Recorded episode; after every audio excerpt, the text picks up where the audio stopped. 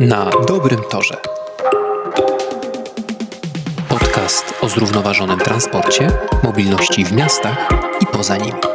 Piotr Frankę, zapraszam. Kiepsko spała.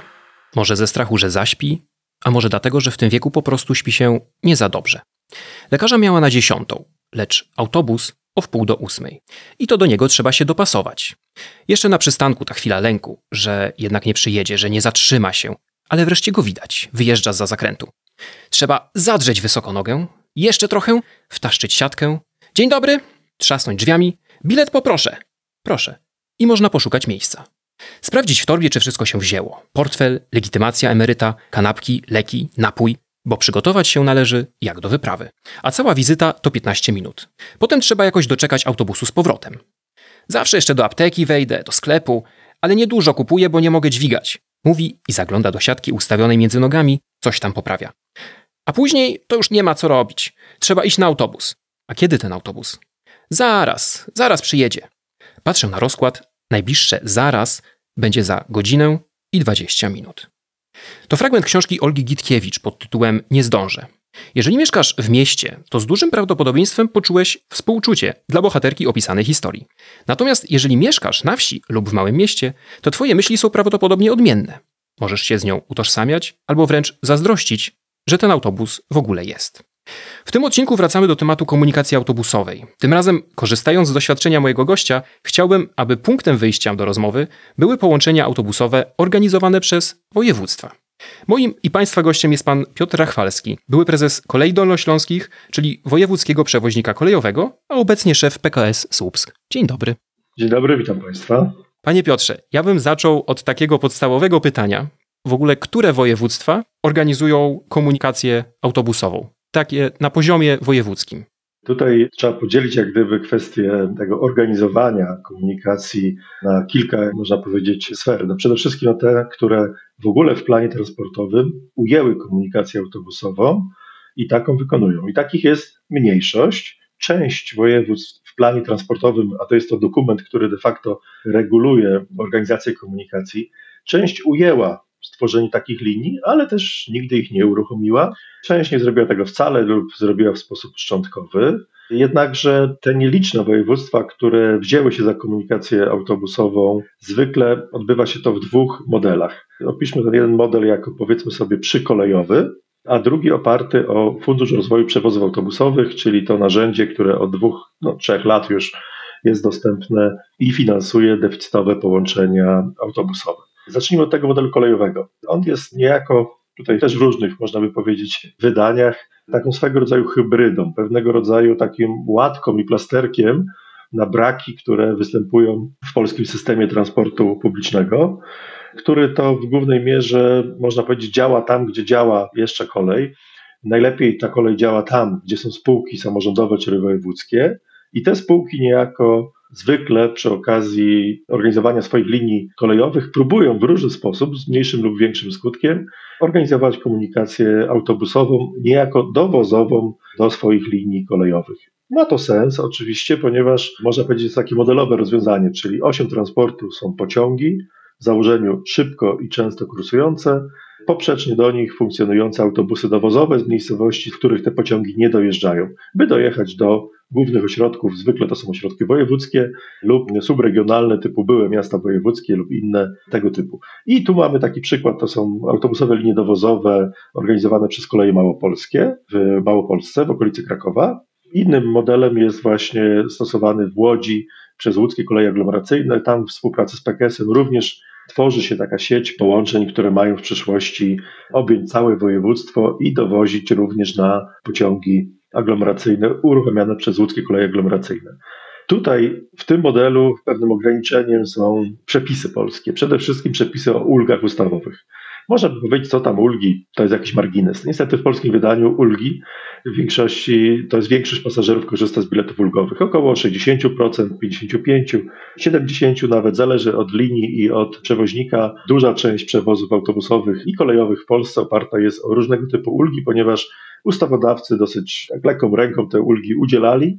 Niestety nie robili tego w sposób uporządkowany, stąd mamy w tej chwili trzy systemy ulg niepasujące do siebie i dlatego od razu odpowiem, może dlatego między innymi nie szłoby wprowadzić takiego biletu za 9 euro, jak był w Niemczech, z prostego powodu. My nie mamy jednego systemu biletowego i ulg ustawowych, więc nie można by wprowadzić jednego biletu wspólnego dla wszystkich, ponieważ obejmowałby on mniejszość korzystającą z biletów tak zwanych normalnych. Ale wróćmy do tematu.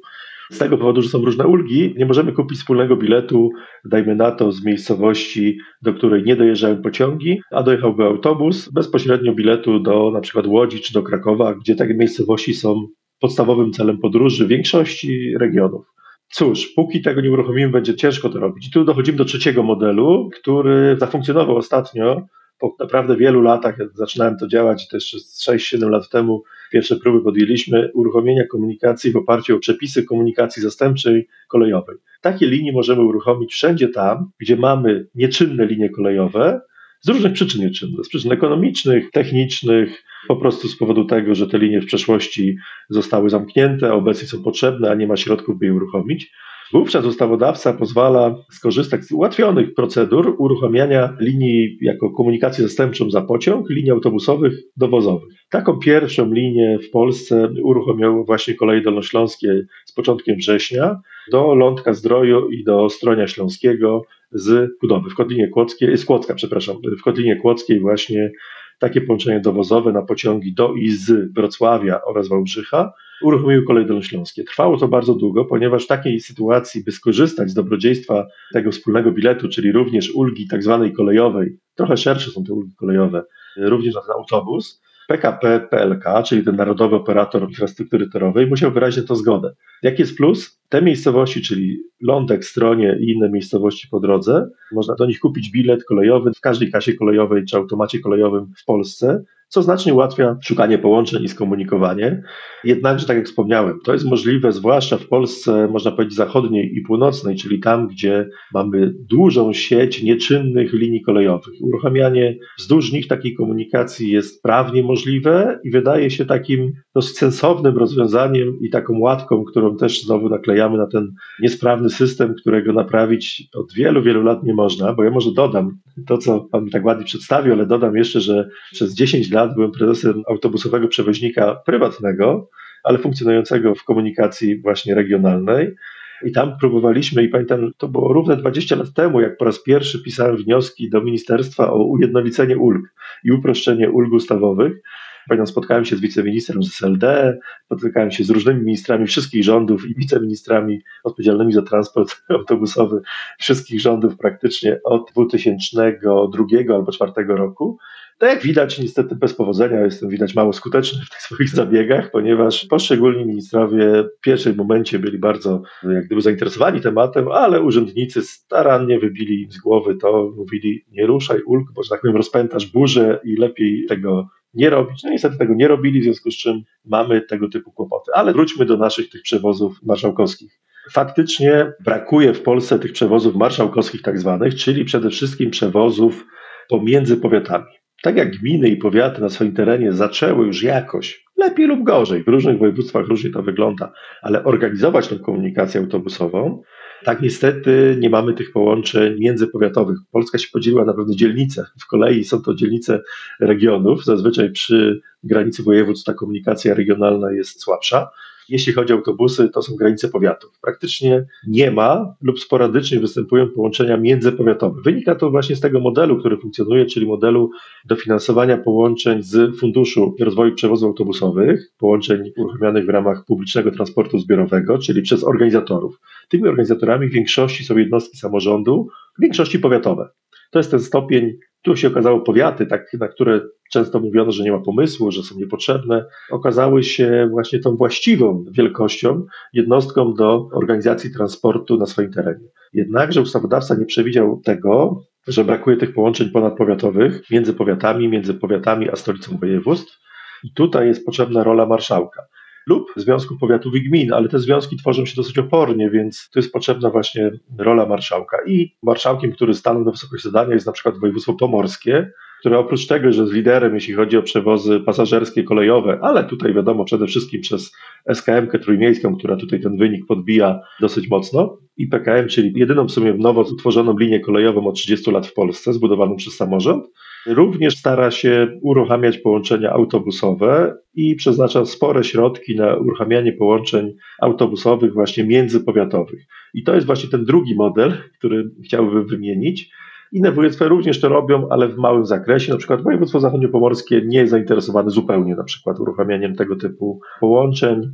Funkcjonuje to w oparciu głównie o kolej, ale niestety ta kolej wszędzie nie dociera, więc mamy dość spore, można powiedzieć, białe plamy na tej mapie komunikacyjnej, dzięki temu, że właśnie nie ma obligatoryjnego obowiązku organizowania tego typu połączeń przez samorządy. Bo ja może wyjaśnię tutaj słuchaczom, że tak naprawdę to już nie przewoźnicy od kilku lat, to już nie przewoźnicy są tymi, którzy decydują, gdzie jadą, o której i dokąd i na jakich warunkach. Za to w myśl ustawy o publicznym transporcie zbiorowym, ustawy, która ma już ho, ho, ho, chyba z 10 lat, ale nadal w pełni nie weszła w życie, nie przewoźnicy, tylko organizatorzy o tym decydują. Organizatorem zwykle jest samorząd. Zadanie organizacji transportu publicznego na swoim terenie jest jedną z podstawowych zadań samorządu wymienionego już w ustawie z 8 marca 1990 roku, czyli ustawie o samorządzie terytorialnym. Jednakże ustawodawca w swej światłości niestety nie przewidział tego, że jeśli to samo zadanie organizacji transportu na swoim terenie daje wszystkim stopniom samorządu, czyli gminom, powiatom, marszałkowi, bez uszczegółowienia, to mówiąc krótko, coś, jeśli ktoś odpowiada za wszystko, to nikt nie odpowiada za nic. Mówiąc krótko, samorządy nadal w dużej części kraju, mimo że jest możliwość dofinansowania, unikają jak mogą tego tematu. Robią wszystko, by tego nie organizować. Ja nie będę wymieniał tutaj z nazw tych samorządowców, którzy robili lub nadal robią wszystko, by udawać, że to, że nie ma dziś autobusu, to jest wina PKS-u lub tak zwanych busiarzy i to do nich trzeba kierować swoje wnioski. Można powiedzieć niestety nie i warto uświadamiać tutaj mieszkańców, że tak naprawdę radni, burmistrzowie, wójtowie, starości i marszałkowie i radni do sejmiku odpowiadają za transport na swoim terenie. I to oni są w pełni odpowiedzialni za to, że gdzieś jest albo gdzieś nie ma autobusu. No właśnie. Jeżeli mamy niejasny podział obowiązków i kompetencji, to w jaki sposób on powinien wyglądać? W jaki sposób powinniśmy zdefiniować zakres odpowiedzialności województwa i marszałka województwa? Za jakie połączenia powinien on odpowiadać? I czy ten kierunek tworzenia połączeń dowożących do kolei jest tak naprawdę właściwym kierunkiem? Ja z jednej strony to rozumiem, bo jest to prosty sposób rozwoju systemu transportowego, ale nie wiem, czy zaspokaja tak naprawdę te najważniejsze potrzeby, które są w województwie. Tak, jeśli mówimy o potrzeby wojewódzkie, to zazwyczaj sprowadzają się do tego, i od tego trzeba byłoby zacząć tak naprawdę, by połączyć w odpowiednim standardzie stolicę powiatów z stolicą regionu i subregionalnymi ośrodkami, czyli zwykle byłymi miastami wojewódzkimi z poprzedniego podziału wojewódzkiego, ponieważ one stanowią zazwyczaj 90% celów podróży ponadpowiatowych w skali województwa. W związku z czym należałoby też zastanowić się wobec tego, że państwo również nie uruchamia tych połączeń, właśnie mówiliśmy o ostatnim stopniu, czyli o państwie, które powinno zająć się tworzeniem połączeń między regionami, w związku z czym myślę, że województwa również powinny w drodze przede wszystkim współpracy między sobą zapewnić połączenia między stolicami sąsiednich województw, sąsiednich regionów. Nie wszędzie są to linie kolejowe, chociażby na ścianie wschodniej mamy taką sytuację, że tutaj w osi północ-południe brakuje tych połączeń kolejowych. Należałoby zapewnić w jakimś minimalnym standardzie, tak jak o standardach pomówimy, połączenia zarówno stolicy regionu ze stolicami sąsiednich województw, ale przede wszystkim na swoim terenie i od tego należałoby zacząć w odpowiednim standardzie połączenie stolic powiatów ze stolicą regionu, zwłaszcza stolic powiatów, które nie mają dojazdu kolejowego lub ten dojazd kolejowy jest w jakiś sposób upośledzony, czyli znacznie wydłużony lub parametry techniczne linii nie pozwalają na osiągnięcie zadowalającej jakości, bo trzeba powiedzieć, że oczywiście tutaj ta jakość i standardy są bardzo ważne. Mamy XXI wiek, bardzo duża liczba ludzi z Polski wyjeżdża za granicę, widzi jak transport publiczny wygląda nie tylko tych liderów, na pewno jest Szwajcaria, Niemcy czy Francja, ale również w zasadzie we wszystkich pozostałych krajach. I trudno oczekiwać, że standard w postaci jednego kursu rano, jednego po południu kogokolwiek zadowoli. To już po prostu to nie ma sensu, nie ma sensu również ekonomicznego, to nie ma sensu też uruchamianie takich alibi busów, można byłoby to nazwać, jeśli już chcemy zająć się komunikacją, to albo zajmujemy się ją na poważnie i porządnie, albo faktycznie tego nie róbmy i wtedy możemy liczyć może na rynek gdzie niegdzie, tylko rynek zadziała oczywiście tylko i wyłącznie w najlepszych godzinach, nie zapewni tych połączeń pozaszczytowych czy weekendowych, więc nie będzie to pełna oferta.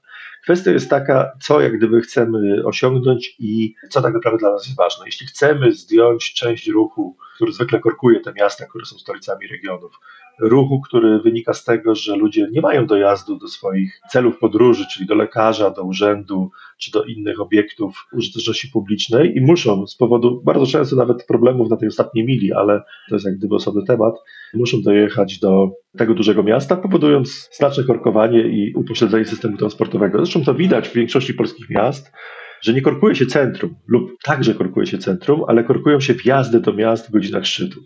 Wjechać do Trójmiasta czy Wrocławia pomiędzy godziną 7 a 9 to jest po prostu no, wręcz niemożliwe i tutaj bez tworzenia jak gdyby alternatyw to samo się nie zmieni. Nic nie da budowa większej liczby dróg, bo te drogi ostatecznie gdzieś się zwężają i kończą i tak powstaną korki. W związku z czym, tak jak powiedziałem, zacząć od tego, by stworzyć, i to jest główne zadanie dla samorządu wojewódzkiego, stworzyć sieć połączeń między stolicami powiatów a stolicą regionu. Jakiego rodzaju to powinny być połączenia? To powinny być szybkie połączenia, czy jeżeli już puszczamy autobus, to ten autobus powinien się zatrzymywać na każdym przystanku, który dosłownie napotyka na swojej drodze? Właśnie to chciałem powiedzieć. W związku z tym, że jesteśmy na takim etapie rozwoju początkowym, w którym tak naprawdę te połączenia o czym chciałem powiedzieć, przy okazji zaspokajają dużą część potrzeb komunikacyjnych po drodze. Uruchomienie sieci takich połączeń może się okazać, że zastąpi po drodze dojazd bardzo wielu wsi do stolicy gminy, czy bardzo wielu stolic gmin i wsi po drodze do stolicy powiatu. Więc daleki są tego, by na tym etapie uruchamiać połączenia przyspieszone. One z całą pewnością jeśli dojdziemy do tego etapu, w którym są kraje skandynawskie czy kraje Europy Zachodniej, pewnie się pojawią. Jednakże, tak jak wspomniałem, to nie jest ten etap. Żeby się nauczyć latać, trzeba się nauczyć chodzić i musimy zapewnić te połączenia po drodze do tych małych wsi, ale faktycznie tutaj jedną rzecz, którą trzeba założyć, bez tak zwanych zajazdów. W komunikacji to się nazywa szuflad, czyli tego, że zjeżdżamy 2-3 km w bok do jakiejś wsi i wracamy na szlak główny. Nie, to jest trudne do zaakceptowania do osób, które chcą jechać, po prostu mówiąc krótko, cały czas do przodu i takie wydłużenie czasu podróży byłoby dla nich nie do przejścia, skoro samochodem można jechać prosto, autobus też powinien jechać prosto. Jedną rzeczą, którą trzeba sobie założyć, wszystkie te przystanki po drodze są przystankami na żądanie i ten autobus musi mieć ten rozkład jazdy, można powiedzieć, na tyle wyśrubowany, by faktycznie jechał sprawnie, to już nie jest ten czas, żeby on się tam wlókł 40 na godzinę. Aczkolwiek tutaj dochodzimy do tych ograniczeń, o których warto wspomnieć. Zgodnie z prawem legalnie autobus w Polsce może jechać 70 km na godzinę. I to niestety nie jest prędkość, która w obecnych czasach jest dopasowana do możliwości technicznych zarówno dróg, w które inwestujemy miliardy, jak i możliwości technicznych autobusów. Wydaje się, że czas jest zacząć dyskusję nad pewnym podniesieniem jednak maksymalnej prędkości autobusów w komunikacji regularnej, ale do, do tego jak gdyby myślę, że dojdziemy. Z całą pewnością warto tu wspomnieć i połączyć inwestycje w drogi samorządowe, również w drogi wojewódzkie, które z różnych środków, czy unijnych, czy krajowych się odbywają i standard tych dróg rośnie, z ofertą komunikacyjną na tych uruchamianych drogach. Dochodzimy do pewnego paradoksu. Inwestujemy miliardy, bezprecedensowe środki w drogi, nie tylko te krajowe i ekspresówki, bo to można najbardziej widać, ale również drogi lokalne. Poprawiamy ich jakość, niestety nie spada nam w znaczący sposób liczba wypadków drogowych, zwłaszcza z udziałem tych najsłabszych uczestników ruchu. Czyli nie spada nam liczba najechań na pieszych, najechań na kierujących rowerami. Z czego to wynika? Właśnie ze słabej oferty albo braku tej oferty komunikacji publicznej na tych nowych drogach. Wcześniej droga była krzywa, kierowcy jechali wolno, więc pobocze można było jeszcze jakoś przejść. Po zrobieniu, wyrównaniu tej drogi, często niestety wycięciu drzew i wyprostowaniu, dochodzimy do sytuacji, że prędkość średnia handlowa samochodowa wzrasta, ale przy braku oferty komunikacji publicznej ten ruch pieszy i rowerowy się odbywa. Niestety nie wszędzie nadal buduje się drogi rowerowe czy chodniki wydzielone wzdłuż dróg różnego standardu. W związku z czym uważam, że takim postulatem, który trzeba by było postawić i przedyskutować z marszałkami i sejmikami, byłoby niejako połączenie inwestycji drogowych z ofertą chociażby na czas trwałości projektu, czyli tych pięciu lat w Polsce, z późniejszą ofertą transportu publicznego. Dochodzi do paradoksów. Robimy drogi za miliardy, przy nich budujemy przystanki, bardzo ładne czasami i funkcjonalne, tymczasem nie ma tam żadnej komunikacji. Myślę, że taki projekt i uruchomienie z dopłatami nawet przez te 5 lat trwałości projektu na początek komunikacji na takiej drodze to jest często promil, no może procent kosztów takiej inwestycji. można powiedzieć, że koszt dopłaty to jest pewnie koszt chodnika, nie wiem, 200 metrów chodnika wzdłuż takiej drogi, czyli nie jest to jakiś coś, co by ten projekt przeważyło. A gdyby wprowadzić taki punkt przy ocenie tego typu projektów, myślę, że wiele by to zmieniło i te nowe drogi nie cieszyłyby tylko posiadaczy samochodów, ale również wszystkich mieszkańców, którzy mogliby korzystać z tej komunikacji publicznej. Ale to jest oczywiście taki może wątek poboczny, aczkolwiek istotny, ponieważ no, mówiąc krótko, te autobusy po czymś jeżdżą właśnie. I kto powinien takie projekty oceniać? Czy to nie leży po prostu w kompetencji województwa, powiatu, w zależności od tego, jaka to jest droga, decyzja, którą drogę budujemy, którą nie? Oczywiście tak, to są różne oczywiście źródła finansowania, to trzeba sobie powiedzieć, że tutaj chociażby wprowadzenie takich standardów do nowych programów, które kiedyś nazywały RPO, czyli regionalnych programów operacyjnych, Myślę, że to jest ten właściwy szczebel, bo tam trafiają wnioski zarówno z gmin, jak i z powiatów o dofinansowanie ze środków unijnych i też na drogi wojewódzkie. Myślę, że kolejne projekty drogowe dla samorządów, czy to będą rządowe, czy z pieniędzy unijnych, czy przez CUPT, czy regionalne, według mnie powinny zawierać tego typu parametry, ponieważ my w tej chwili Oceniamy wszystko inne, a nie to, co by służyło temu, by te inwestycje były w odpowiedni sposób, można powiedzieć, wykorzystane. Tak jak wspomniałem, byłby to mały promil kosztów budowy drogi, a znaczne ułatwienie i wprowadzenie pewnych, jak gdyby, standardów dla, można powiedzieć, wszystkich mieszkańców, a nie tylko dla tych, którzy są posiadaczami samochodów. No dobra, to co w takim razie z miejscowościami, które są położone nie przy głównej drodze łączącej miasta powiatowe. I w jaki sposób z formalno-prawnego punktu widzenia rozdzielić te kompetencje województwa i powiatu, bo domyślam się, że taka będzie odpowiedź. Tak, oczywiście. Wydaje się, że gmina, która jest podstawową w Polsce jednostką samorządu, jest najbliższa mieszkańcom, jest troszeczkę za mała do organizacji transportu. Większość celów przewozowych, szkoły średnie, zakłady pracy, służba zdrowia, zazwyczaj są co najmniej w powiecie te powiaty może mogły być ciut większe. Jest ich 350, być może, nie wiem, 250 by wystarczyło, może troszkę więcej. Niektórzy sądzą, że one powinny pokrywać się z tym, co nazywamy MOF-ami, czyli tymi jednostkami, które powstały wokół tych większych miast i dotyczą miejskich obszarów funkcjonalnych, gdzie działają tak zwane ZIT-y, czyli te zintegrowane inwestycje terytorialne. To jest mniej więcej ten obszar ciążenia do danej jednostki administracyjnej. I wokół takich ZIT-ów, MOF-ów czy powiatów, bo to często tak naprawdę się pokrywa mniej więcej, należałoby organizować komunikację i ona zapewniłaby, myślę, 90%, jeśli nie więcej, potrzeb transportowych.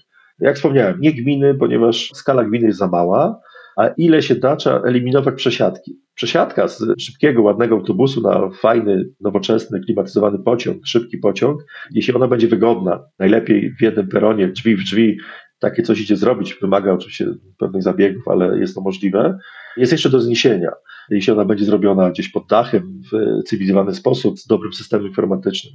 Ale jeśli my mamy wytłumaczyć komuś, że ma wsiąść w autobus gminny, dojechać do siedziby gminy, tam poczekać na powiatowy i pojechać powiatowym, to zanim to wytłumaczymy wszystko, a jeszcze nie daj Boże będą dwa systemy biletowe. To już zdążył kupić samochód i pojechać nim. I pojechać, tak, i zapalić i wyprowadzić z garażu nawet.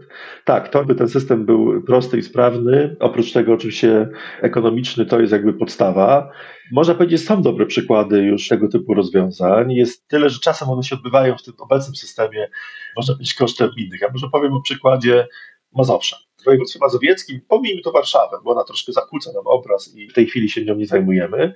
Kilka powiatów, korzystając z Funduszu Rozwoju Przewozów Autobusowych, uruchomiło dosyć dobrą komunikację na swoim terenie. I w zeszłym roku ta komunikacja działa bardzo dobrze. Zaczęto budować nawet cykliczne rozkłady jazdy, gdzie się pojawiły i fajna oferta. Jednakże model ten, który funkcjonuje obecnie w Funduszu Rozwoju Przewozów Autobusowych, nie sprzyja trwałości tej oferty. Jest modelem corocznym.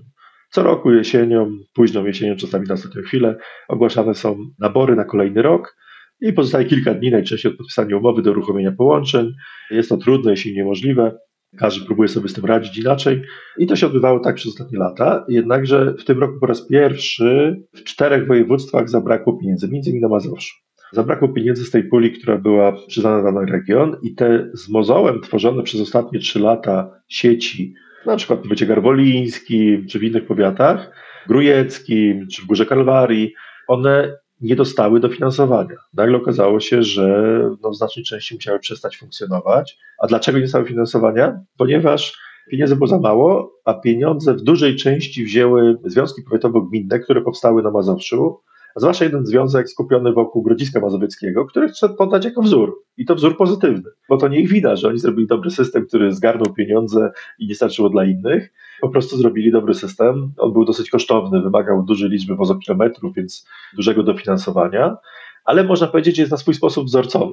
I tutaj chętnie odsyłam do jednego z poprzednich odcinków naszego podcastu, w którym właśnie na temat grodziskich przewozów autobusowych rozmawialiśmy. Tak jest. I ten właśnie system, który przypomnę krótko, ma stosunkowo niskie ceny biletów, dużą częstotliwość, jest zrobiony nowocześnie w oparciu o nowe pojazdy klimatyzowane, niskopodłogowe z monitoringiem. Ceny biletów są jeszcze niższe, kiedy korzystamy z przesiadek na pociąg i tutaj właśnie w tym przypadku w taki sposób, można powiedzieć, nieekonomiczny dla samorządu, wspiera się transport publiczny mimo braku rozwiązań ustawowych, czyli mówiąc krótko, ktoś, kto ma bilet na koleje mazowieckie, kupuje bardzo tani, symboliczny, płatny bilet miesięczny na autobusy. I w ten sposób, można powiedzieć, ten przerwany cykl jakoś udało się załatać taką łatką troszkę. Kosztem samorządu oczywiście wspiera się to, by ludzie korzystali z pociągów Samorząd na tym pośrednio korzysta w sposób niewyliczalny, nie musi przeznaczać aż tak dużych środków na infrastrukturę drogową. To jest jak gdyby jedyna korzyść, więc tutaj podaję ich za wzór. Co tu dużo mówić, już o nim mówiliście, więc nie będziemy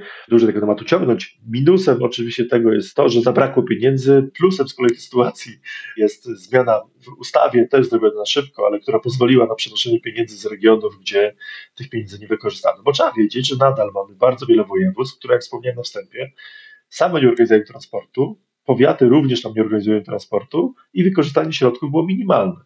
Tutaj te środki zostały w części przelane właśnie do tych regionów, gdzie zabrakło, to jest innymi Śląsk, Podkarpackie, Pomorskie i Mazowieckie. Te regiony były właśnie tymi, w których środków z funduszu zabrakło i w tej takiej małej nowelizacji przepisów przeniesiono te środki właśnie do tych regionów. To jeżeli jesteśmy też przy związkach powiatowych, powiatowo-gminnych i tego typu strukturach, czy z punktu widzenia społeczeństwa nie byłoby korzystniejsze stworzenie większych jednostek organizujących transport publiczny w jakiś sposób? Albo zachętą, albo przymusem do tego, żeby jednak powiaty zaczęły ze sobą współpracować, a może nawet województwa, żeby skłonić i skoordynować połączenia zarówno pomiędzy miastami powiatowymi, jak i tak zwanymi szufladowymi miejscowościami znajdującymi się nie przy głównej drodze.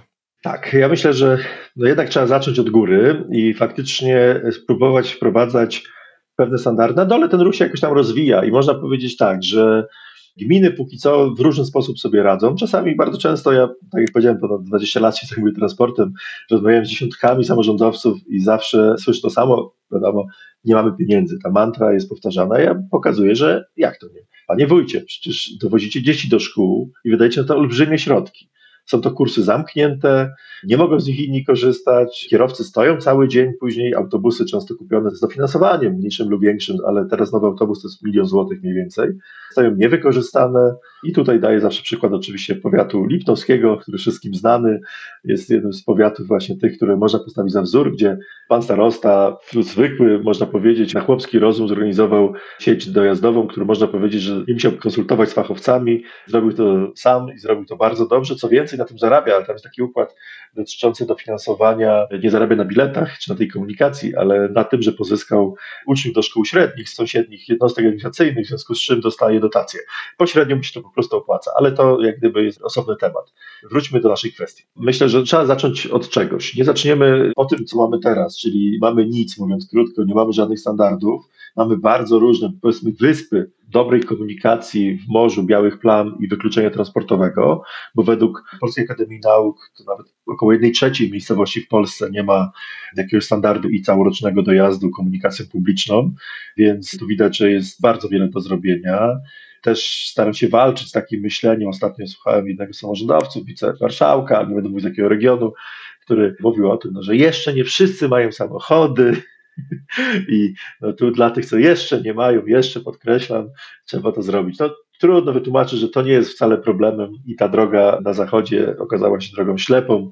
Nie chodzi o to, że wszyscy nie mają samochodów, zawsze będzie taka grupa, czy z przyczyn ekonomicznych, czy innych, ale przede wszystkim chodzi o to, że nie wszyscy się zmieszczą w tych samochodach na naszych drogach i jest to niemożliwe do spełnienia mimo olbrzymich inwestycji. W związku z czym należy rozwijać tę sieć i faktycznie należałoby zacząć od pewnych standardów wprowadzonych w komunikacji, tak jak wspomnieliśmy, między regionami, bo to jest łatwiej zrobić jest 16 stolic województw, tak, połączmy je z sąsiednimi siecią połączeń w odpowiednim standardzie. Myślę, że jakby pierwszy rok zacząć od standardu, który trzeba by było ustalić tak naprawdę ustawowo. I tu odgórnie, to trzeba powiedzieć, tu byłaby ta przemoc niejako ustawowa i przymus, to byłby ten kij.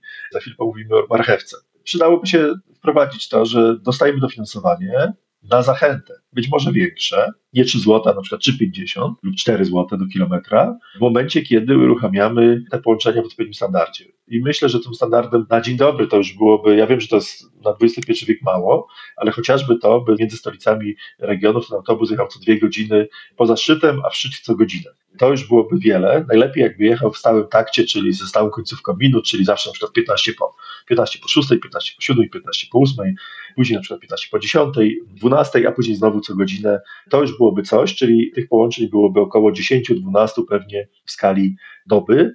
W weekendy mogło być ich mniej, ale też nie mniej jednak niż te 6-7, które jest takim minimalnym standardem, który powinien obowiązywać. I wydaje mi się, ja wiem, że ktoś powie, co to jest, to nikogo nie zadowoli. Nie, tu mówimy o kanwie pewnej i pewnej podstawie, która powinna być założona.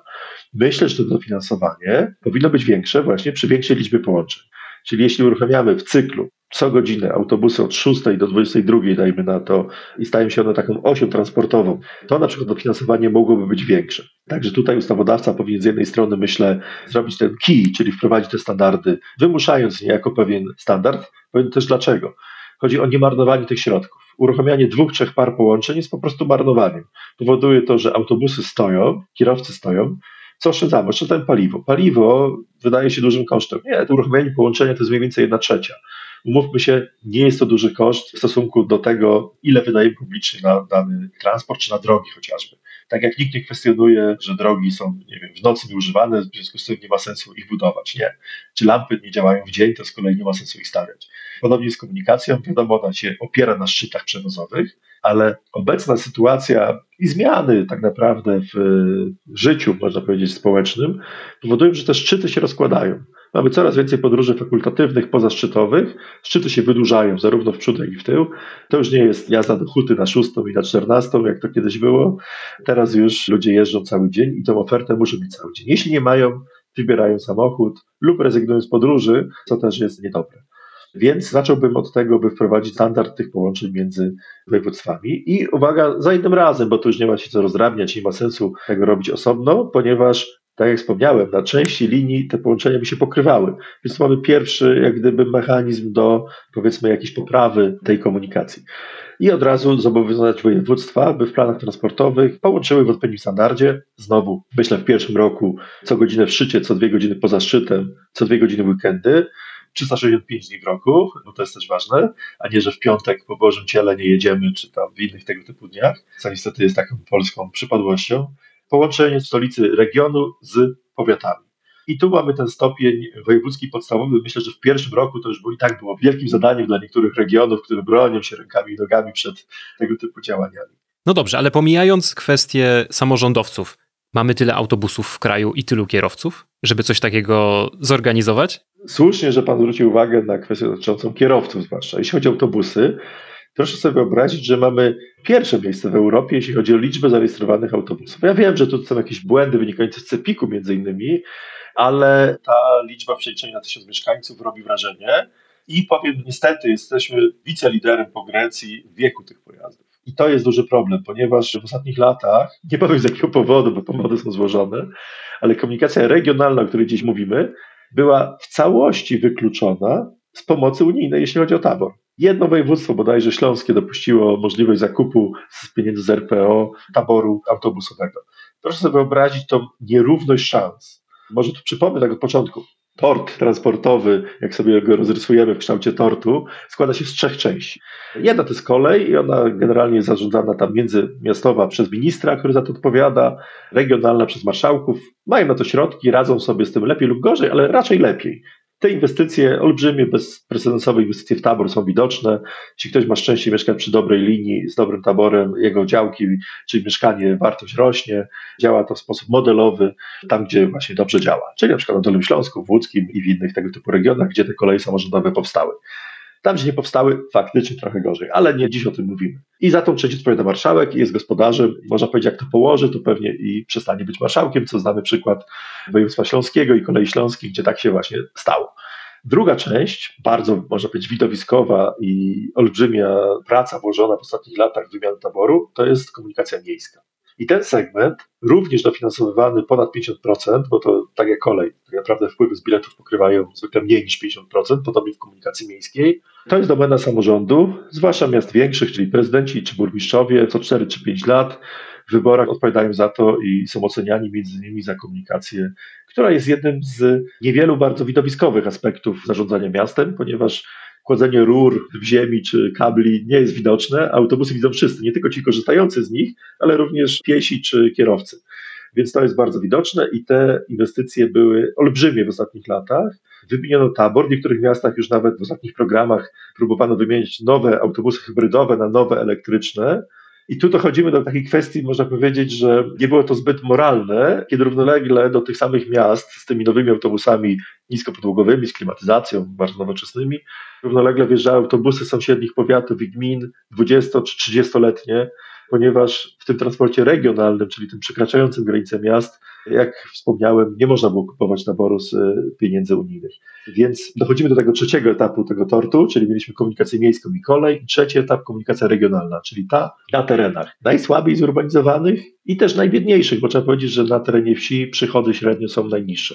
I tutaj powiem tak, nie wiem czemu, być może trochę z tej takiej, powiedzmy, neoliberalnej choroby czy ugryzienia, którym byliśmy w latach 90., może zaszczepieni troszkę za bardzo, może w stosunku do tego, jak to się odbywało w innych krajach, uznano, że akurat nie wie czemu. Ten najbiedniejszy segment ma być pozbawiony dotacji i wsparcia publicznego i ma być w całości, jako jedyny, finansowany z biletów. I tak to przetrwało tak naprawdę do mniej więcej 2020 roku, kiedy to COVID w zasadzie to już całkowicie doprowadził do bankructwa tego modelu, który po równi pochyłej zjeżdżał w dół już oczywiście od lat, w oparciu o PKS-y czy inne jednostki, które wyprzedawały swój majątek, przejadały kolejne dworce, bazy, sprzedawały podmarkety i w ten sposób funkcjonowały, tak długo bardzo często funkcjonowały, dopóki powiedzmy tabor jeszcze jeździł, ten tabor kupiony wcześniej lub kupiony, używany z zachodu, który de facto tę komunikację ratował.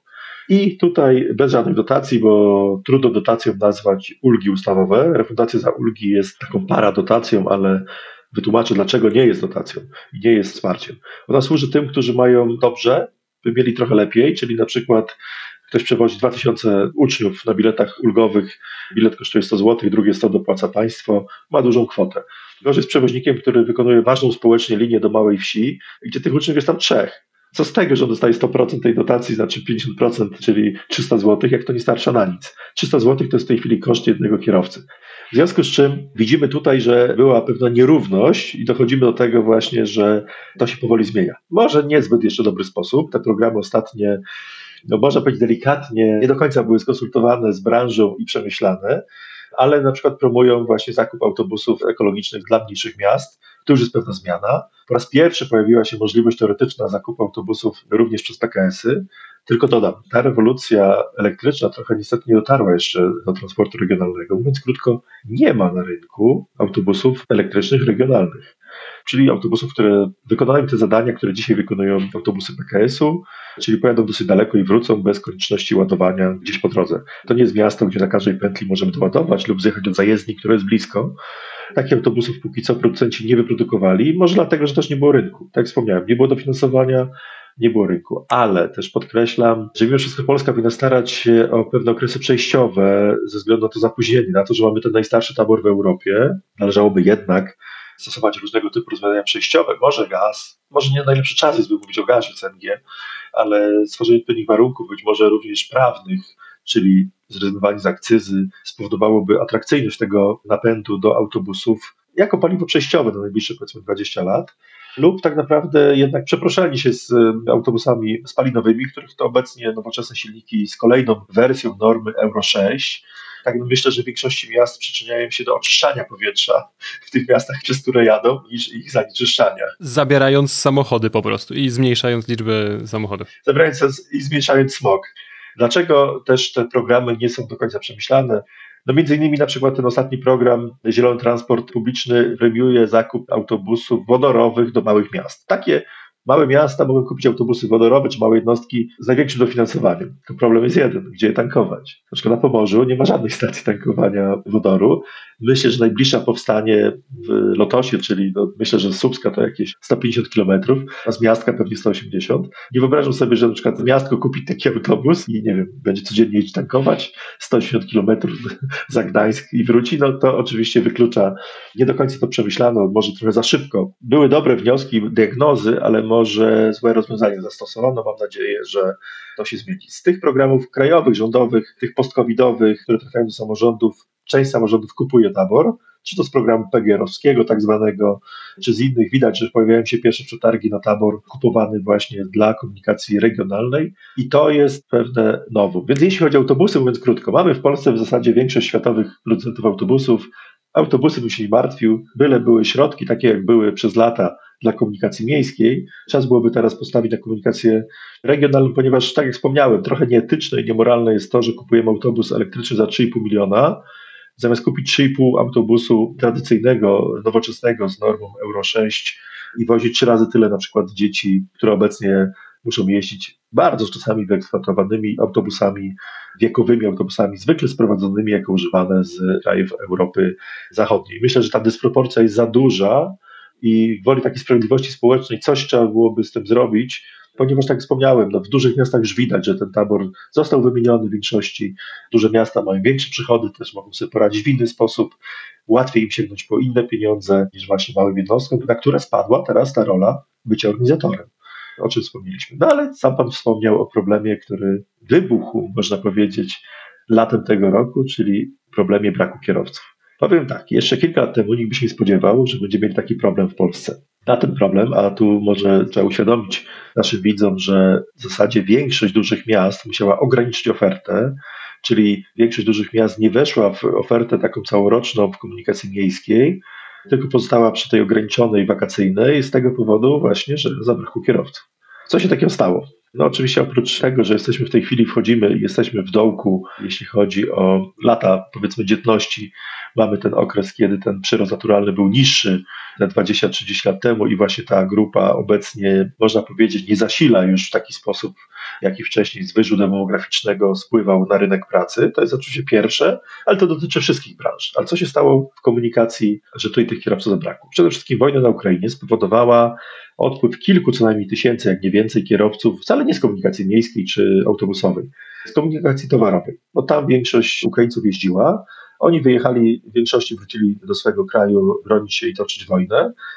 W związku z czym pojawiło się duże parcie ze strony transportu cargo, transportu towarowego, czyli tak zwanych tirów, na pozyskanie nowych kierowców. Pojawiły się ogłoszenia przy centrach logistycznych, przy autostradach widzimy ogłoszenia 10 tysięcy, 12 tysięcy zarób, tylko przyjdź do nas. Kierowcy zawodowi, też autobusowi, bardzo często posiadają wszystkie rodzaje prawa jazdy, więc mają również na ciężarówki, mają również na przyczepy, czyli C plus E, w związku z czym nastąpił odpływ tam.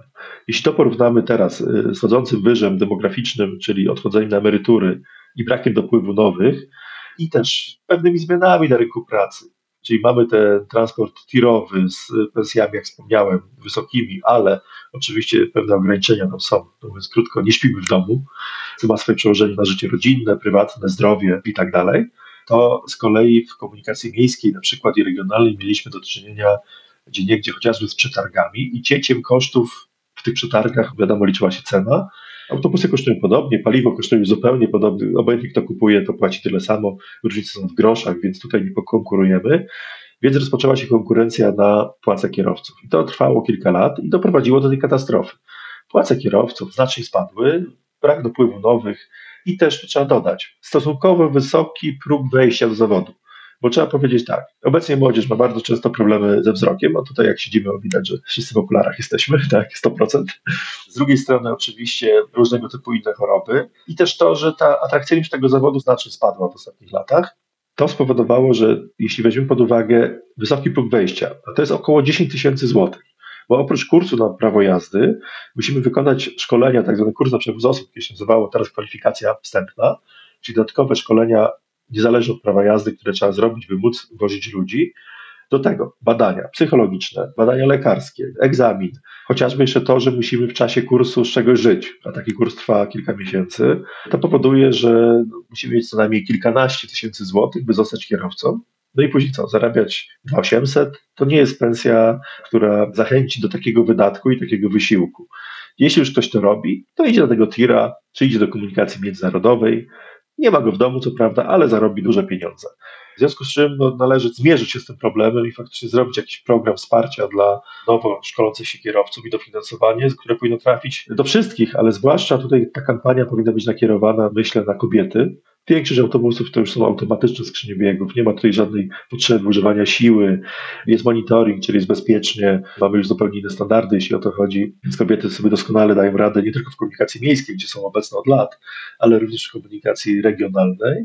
Kierowczynie są lepsze, myślę, nawet czasami, jeśli chodzi o chociażby jakość obsługi podróżnego, nie mówiąc też o jeździe, niż jeden kierowca. W związku z czym tutaj tych problemów nie ma.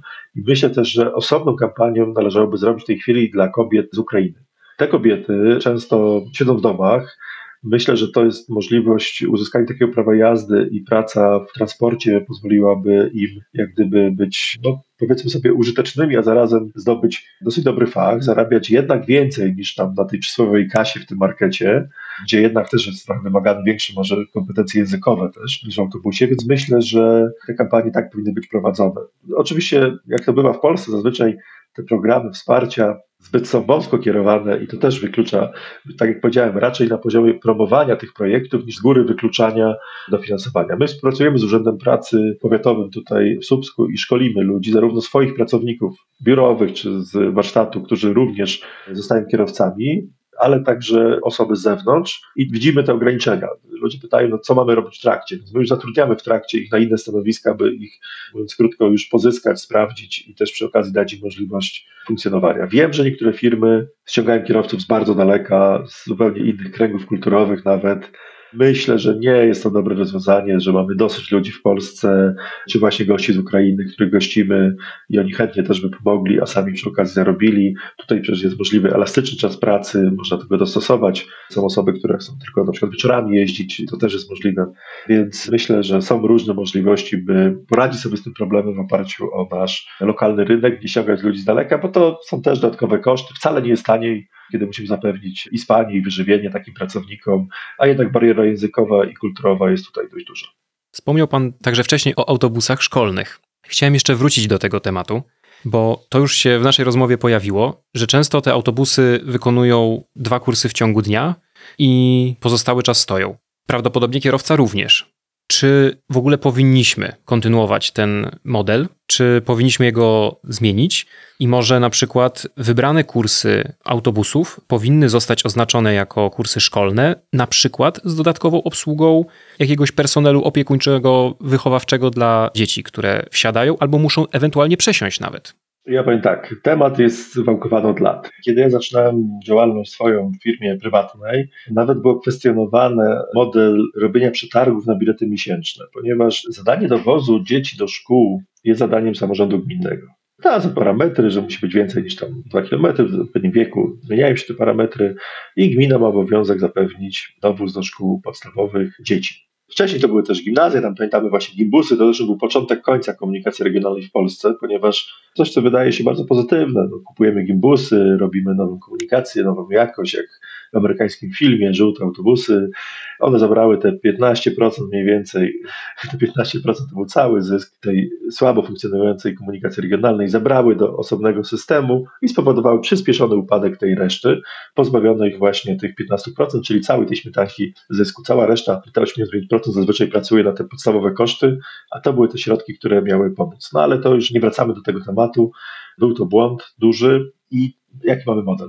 Gminy organizują te przewozy, można powiedzieć w skrócie, w dwóch modelach do tej pory. Czyli organizując kursy zamknięte, płacąc za kilometr, po prostu trzeba przewieźć dzieci z A do B, z B do A z powrotem. Jest tyle i tyle kilometrów, płacimy i tyle i tyle. Jest grupa dzieci, nie ma żadnych biletów, jest opiekunka, zatrudniona przez przewoźnika najczęściej. I to jest model, można powiedzieć, zanikający, ale nadal funkcjonujący w wielu gminach. Podstawową wadą i problemem są kadry. I zaraz dojdziemy do tego. Po prostu zazwyczaj przepisuje się SIWS i OPZ, czyli specyfikę, opis przedmiotu zamówienia, co roku zmieniając tylko datę i liczbę uczniów, albo ewentualnie trasę. Ponieważ nie ma kadr, które by usiadły do tego, wymyśliły coś nowego, coś zmieniły. Co roku pani, która zajmuje się tysiącem innych rzeczy w urzędzie, musi pamiętać, żeby tam zdążyć zrobić przetarg na dowóz dzieci. Wyjmuje to samo, zmienia daty, stawia na BIP tak zwany i jest przetarg. Drugi model, najbardziej powszechny w tej chwili, jest tym modelem, który, jak wspomniałem, już 20 lat temu był kwestionowany. To jest ta sama usługa, wykonywana w oparciu o bilety miesięczne. I tu dochodzimy do pewnej takiej, no można powiedzieć jednak no, też niekonsekwencji prawnej, ponieważ bilety miesięczne powinny być sprzedawane na kursy ogólnodostępne, otwarte w normalnej komunikacji. Z różnych przepisów wynika lub nie, to są różne zdania prawników, jeśli chodzi o tę tak zwaną opiekę. Czy kierowca już jest opiekunem, czy wymaga jeszcze osobnej tej opieki, to o tym by można długo dyskutować, ja nie będę teraz tego poruszał, ale skupmy się na tym, co się dzieje. Ta komunikacja jest uruchamiana właśnie z literką S w rozkładzie jazdy. I ona funkcjonuje, zazwyczaj nawet nie jest wymieniana czasami w rozkładzie jazdy, czyli de facto funkcjonuje jak komunikacja specjalna. A taka nie powinna dostawać zwrotu za bilety ulgowe ale ten zwrot jest dawany i obniża o połowę tak naprawdę koszty uruchamiania tych linii dla gmin. Co jakiś czas pojawiają się takie wrzucone w internecie zdjęcia czy skany biletów, gdzie mamy na przykład bilet dla dziecka za 1000 zł. Co to za absurd? W modelu, który jest stosowany, zakładam, że to dziecko mieszka gdzieś daleko od innych dzieci, trzeba do niego jechać specjalnie, może kilka kilometrów, ale jechać po to jedno dziecko, a trzeba wiedzieć, że ten model opiera się na biletach ulgowych ustawowych, 49% dokłada państwo, czyli można być połowę dokłada państwo. Jeśli bilet będzie kosztował 1000 zł, państwo dołoży drugi 1000. Absurd, ale działa. Niestety dochodzi do tego typu paranoi, że bilet na 2 czy 3 km kosztuje bardzo dużo i kosztuje różnie w różnych gminach. Jednakże po dyskusjach, które miały miejsce nie wiem, 15 lat temu mniej więcej, ministerstwo uznało, że jest to dopuszczalne, więc w tym modelu funkcjonują póki co w większości samorządy organizując przewozy szkolne. Ja mam na ten temat swoje zdanie, ale też musimy brać w tym udział i też jako firma startujemy w tego typu przetargach, aczkolwiek zrzymam się na to, jaki musimy wykonywać no, na swój sposób kombinacje, których wolelibyśmy nie robić. Jaki jest główny problem tego modelu? Problem pojawia się i opiszę go na przykładzie właśnie jednej z wsi w gminie na D, w czasie, kiedy byłem właśnie prywatnym przewoźnikiem, ale i mamy to samo w PKS-ie. Nagle w okolicy ferii albo na początku wakacji pojawia się wniosek mieszkańców, żeby uruchomić im komunikację, bo nie mają. Ja się pytam, a jak nie macie? No bo jest, ale tylko w roku szkolnym, a wakacji nie ma. To ja zazwyczaj mówię, że oczywiście my nie wchodzimy, jak wchodzimy to całkiem, a nie sprzątać po kimś. Ktoś, kto jeździł, a teraz nie jeździ. A ja się pytam bardzo często, no ale jak? Tam kierowca w ogóle sprzedaje bilety, bo wiem, że tam jest komunikacja oparta o biletach miesięcznych, że nawet nie ma kasy fiskalnej i nawet czasami nie może ten kierowca zabrać ludzi, bo na przykład jest w oparciu o kilometrówkę, jak wspomniałem, czyli opłacenie za kilometr się okazuje, że kierowca bierze do czapki. A lub co łaska, po prostu robiąc przysługę tym ludziom. Oni by chcieli nawet kupić bilet, ale nie mogą. No ale oczywiście problem pojawia się w ferie, problem pojawia się w różne przerwy między świętami, kiedy szkoły nie funkcjonują. No i przede wszystkim pojawia się wakacje. Ta rachityczna i szczątkowa komunikacja wtedy przestaje działać ale to jest ta komunikacja, o której wspomniałem, którą spokojnie możemy otworzyć. Otworzyć dla wszystkich mieszkańców i nic się nie stanie. Możemy dodać do tego oczywiście opiekunki, jeśli gmina uzna, lub ustawodawca uzna, że powinny być, czy ze stowarzyszeń, czy jako pracownicy szkolni, którzy pojadą rano tę godzinę, przywiozą dzieci, później zajmą się, nie wiem, obsługą świetlicy czy pomocą dla nauczycieli, a po południu zjadą z powrotem i będą wykorzystani. W obecnym modelu przewoźników opiekunka, tak jak Pan wspomniał, i kierowca zazwyczaj siedzi kilka godzin, nic nie robiąc. Płacimy oczywiście im ze społecznych pieniędzy, ale wójtowie cały czas będą mówić, że nie mają pieniędzy. No otóż mają właśnie. Mają te pieniądze, te pieniądze się marnują w postaci tych przewozów. A co więcej, myślę, że kiedyś ktoś przyjdzie i może zakwestionować ten model. Nie daj Boże, zażąda zwrotu za te ulgi, ponieważ są to przewozy, które mają charakter przewozów specjalnych a nie przewozów otwartych i ogólnodostępnych. Ale to na razie to funkcjonuje, to zostawmy. I ten trzeci model, który jest najbardziej tu właściwy i wydaje się najbardziej sensowny, to właśnie model w oparciu o przewozy otwarte, normalną komunikację całoroczną, bez literki S, ale dostosowaną do oczywiście kursów szkolnych, żeby przy okazji obsłużyć te kursy szkolne, ale też zapewnić normalną komunikację.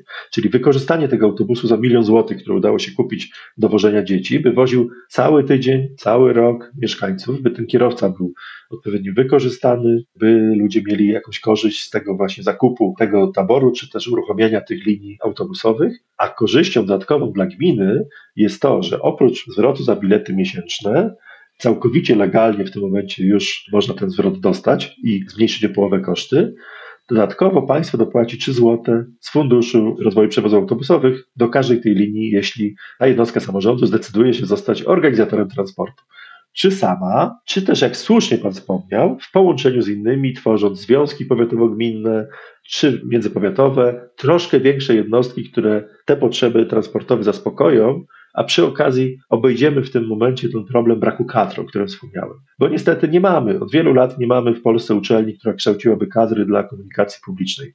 Mamy 2800 gmin, tak, 350 powiatów, 16 województw. Nawet po jednym człowieku tam dałoby na kilka lat pracę dla takiej uczelni, która zdecydowała się takie kierunki uruchamiać. To jest kolejne zadanie dla państwa, stworzenie zachęt do uruchomienia tego typu szkoły, ponieważ spokojnie w mniejszym mieście taka uczelnia mogłaby się stać liderem tego typu rynku było nie było, który będzie się rozwijał. Może w Polsce jeszcze tego nie widać, ale to jest rynek z całą pewnością rozwojowy i te kadry z całą pewnością by się przydały. No właśnie, to ja jeszcze widzę dwa kolejne punkty, które z punktu widzenia pasażera są, wydaje mi się, bardzo ważne. Chodzi mi tutaj o pierwsza rzecz, integracja taryfowa, zarówno taka na jakimś obszarze, jak i pomiędzy różnymi środkami transportu. A druga rzecz to informacja i łatwo dostępna informacja o połączeniach. Odnośnie pierwszego punktu i taryfy, jakie mamy doświadczenia w Polsce z integracją taryfową, zarówno na obszarze, jak i pomiędzy środkami transportu? Czy mamy jakieś przykłady w ogóle większych porozumień i może związków taryfowych? Czy wszystko to są tylko i wyłącznie umowy bilateralne? A jeśli chodzi o informacje, czy mamy jakieś miejsce, gdzie możemy znaleźć, w jaki sposób dojechać autobusem do jakiejś wsi? Tak, właśnie. Tutaj dochodzimy do bardzo ważnych rzeczy, bo mówiliśmy o systemie, o autobusach, o kierowcach, taborze, rozkładach jazdy, a tak naprawdę to musimy wyjść właśnie z tego punktu widzenia pasażera. Pasażer chce wiedzieć, za ile pojedzie i żeby to było jak najtaniej, jak najbardziej atrakcyjnie w porównaniu z innymi środkami przemieszczania się. No i po prostu, żeby było stać, bo na nic tam najnowocześniejszy system w oparciu o nowe autobusy, jeśli cena biletu z tego powodu będzie bardzo wysoka. I mało kogo będzie na to stać. Taki system, jeśli mamy tworzyć, musi być dostępny dla każdego. Chciałbym powiedzieć o jakichś dobrych przykładach, jednakże większość z nich to są pewnego rodzaju łatki i sposoby przeskoczenia ograniczeń, które niestety ustawodawca nadal ich nie zlikwidował. Ograniczeń właśnie w chociażby kwestii tej ostatniej mili, czyli integracji między komunikacją regionalną a komunikacją miejską w dużych miastach. To jest pierwszy temat. Czy to będzie regionalna kolejowa, czy autobusowa, to jest osobny temat, ale zazwyczaj ona dojeżdża tylko do głównego dworca lub jakichś dworców po drodze, a ludzie, jak pokazują badania, wybierają na cały, czasami 50-kilometrowy odcinek przewozu, wybierają środek transportu w oparciu o tą często ostatnią milę, czyli te ostatnie kilometry, które musi pokonać z dworca do na przykład szpitala, czy z dworca do urzędu. Obserwowałem to we Wrocławiu, gdzie mamy naprawdę dobrą komunikację już kolejową, regionalną, jednakże część ludzi z niektórych ośrodków nadal wybierała samochód, ponieważ nie wiedzieli jak, a słyszeli, były tam zmiany w komunikacji, wprowadzono de facto dematerializację biletów, nie ma biletu fizycznego, jednorazowego, jakieś kartki, którą można się posłużyć w komunikacji we Wrocławiu. Ludzie coś o tym słyszeli, dla niekorzystających brzmi strasznie, no jak? Teraz pojadę, dostanę mandat, ja nie wiem co zrobić z tym nowoczesnym kasownikiem, gdzie nic nie wychodzi z niego. Starsze osoby nie mają kart, bo to jest w oparciu oczywiście o karty płatnicze. Z kolei ci, co mają karty, przestraszyli się, bo słyszeli jakieś bajki, że teraz im tutaj za dużo zabierze, albo ktoś im się włamie na tą kartę. I to powodowało, że z tej ostatniej mili, czy tych dwóch kilometrów z dworca do kliniki, do urzędu, ludzie wybierali z Bolesławca, z Legnicy, z innych miast oddalonych o 70-80 kilometrów samochód, bo wiedzieli, że samochodem to oni sobie poradzą i dojadą. Tworzyli korki, przepłacali za paliwo oczywiście, dlatego, że nie ma integracji. I to trzeba sobie powiedzieć, tak? Dlatego, że nie ma integracji. Ja próbowałem w kraju dolnośląskich wprowadzać i wprowadzałem takie rozwiązania w Legnicy czy w Wałbrzychu, gdzie za jedną transakcją kupowało się taki, można powiedzieć, bilet 2 plus 2 równa się 3, czyli kupując na raz bilet na komunikację miejską i na pociąg, sumarycznie oszczędzało się znaczne pieniądze. Naprawdę były to znaczne kwoty, kilkaset złotych czy tysiąc złotych w skali roku można było zaoszczędzić, kupując razem te dwa bilety niż osobno. Jednakże, jak na XXI wiek, kombinacja była dosyć spora, ponieważ wyglądało to tak, żeby to legalnie zrobić przez różne waty i różne właśnie ulgi, różne inne rzeczy, o których nie będę teraz mówił. Fizycznie wyglądało to tak, że na bilet papierowy, miesięczny, kolejowy, pani w kasie naklejała naklejkę, która była biletem miesięcznym autobusowym i w ten sposób mogliśmy to sprzedać taniej. No ale umówmy się, nie jest to rozwiązanie w dobie kart, różnego typu aplikacji, rozwiązanie, które byłoby polecane. Była to jakaś taka nakładka i erzac, ale przyznam działający i tyle mogliśmy zrobić w tych istniejących realiach prawnych i możliwościach technicznych. Jednakże chciałbym powiedzieć to jakiś dobry przykład integracji. Jest na przykład Związek Komunikacyjny Zatoka. On obejmuje Trójmiasto i miasta wokół, ale przyznam, Wcale to nie jest proste. Są nawet memy i żarty na temat tego, tak jako zadanie maturalne, wylicz cenę przejazdu tam z Sopotu do Pruszcza, zakładając, że tam jakieś różne opcje.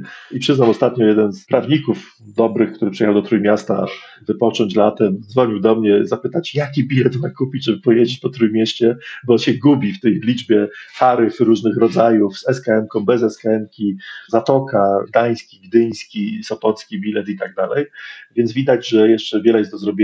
Troszkę myślę, że wzorem tu może być bilet Euronysa na pograniczu czesko-niemiecko-polskim, mniej więcej od Jeleniej Góry do Bolesławca i tam w bok w Niemczech przez Citał i Gerlitz do Bautzen, czyli do Budziszyna. Dlaczego on jest idealny? Ponieważ on jest biletem, który obowiązuje na wszystkie środki transportu na tym terenie. Pociągi, autobusy, busy, wszystko kupujemy raz bilet, jeździmy ile chcemy. Są bilety również dla małych grup, czyli możemy jechać z rodziną, z przyjaciółmi i one są bardzo atrakcyjne cenowo. Ostatnio trochę wzrosły te ceny, ale nadal są atrakcyjne cenowo, ale przede wszystkim powoduje to, że już nie musimy się niczym martwić. Obojętnie w co wsiądziemy, czy w tramwaj, czy w autobus, czy w pociąg, czy nawet w kolejkę górską na tym terenie, czy w kolejkę zabytkową, wąskotorową w Citał, możemy jechać na tym jednym bilecie przy czym wyjaśnię od razu, sukces tego biletu polega na tym, że nie ma rozliczeń między przewoźnikami. Każdy bierze 100% ze sprzedaży tego biletu dla siebie i tylko raportuje liczby, statystykę, ale nie ma rozliczeń, nie ma wyliczania teraz, ile procent ty dostaniesz za to, ile ty, ale wszyscy weszli w to porozumienie, wszystkie autobusy miejskie, komunikacji regionalnej, wszystkie, tak jak powiedziałem, firmy kolejowe i organizatorzy kolejowi. Jest to, można powiedzieć, dosyć modelowe rozwiązanie. Nie uda się go wprost przyczepić wszędzie, ale widzę, że te rozliczania i koszty rozliczeń czasami przekraczają przychody z danego biletu. Zwłaszcza, że te oferty nie zawsze są atrakcyjne. Jak wspomniałem, ten bilet w Związku Zatoka wcale nie jest najtańszy. I tutaj dochodzimy do tego, że my musimy masowo zasilić system transportowy, który kosztuje nas tyle samo. Bo umówmy się, czy w tramwaju, czy w autobusie jedzie 100 ludzi, czy 120, on kosztuje tyle samo i uruchamiamy go tak samo. I teraz myślenie urzędników bardzo często mówi, jak, to oni mają jechać za pół ceny, a dlaczego? To tylko jest dodatkowy klient, który normalnie by z nami nie pojechał. My go przyciągamy, nie mamy zerowe koszty, bo umówmy się, w transporcie nie liczymy tego, że jedzie 15 osób czy 100, że tam minimalnie zwiększy zużycie prądu czy paliwa. To liczymy jako pewną średnią i na to nie patrzymy, ale przychody już są zupełnie inne. A jak wspomniałem, tak naprawdę dopiero jakieś 15% to jest dobra rentowność, jeśli jest w ogóle w transporcie regionalnym. Zazwyczaj są deficytowe, ale tutaj można powiedzieć, że ta deficytowość może być większa lub mniejsza. Jeśli uda nam się ten system transportowy zapełnić ludźmi, którzy normalnie by nie kupili tych biletów, to jest właśnie ten nasz cel i sukces. Być może dla tego celu warto jest machnąć ręką na jakieś tam pewne procenty i przychody i wejść w taki system jak uproszczony jak Euronysa i dajmy na to spotkać się po roku i policzyć dopiero, patrzeć sobie mniej więcej chłopaki, to mi się opłaca, to nie, a może się umówimy na jakiś klucz i te pieniądze podzielimy.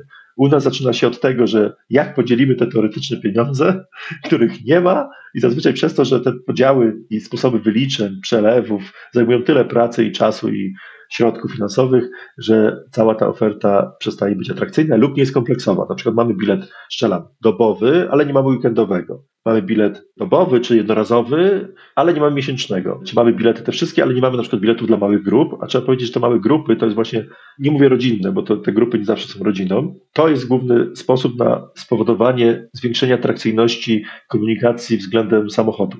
Bo tak naprawdę, jeśli pół biedy przy tych cenach paliwa faktycznie samemu się nie opłaca, w dwie osoby już różnie, ale niestety w trzy czy cztery nadal opłaca się jechać samochodem.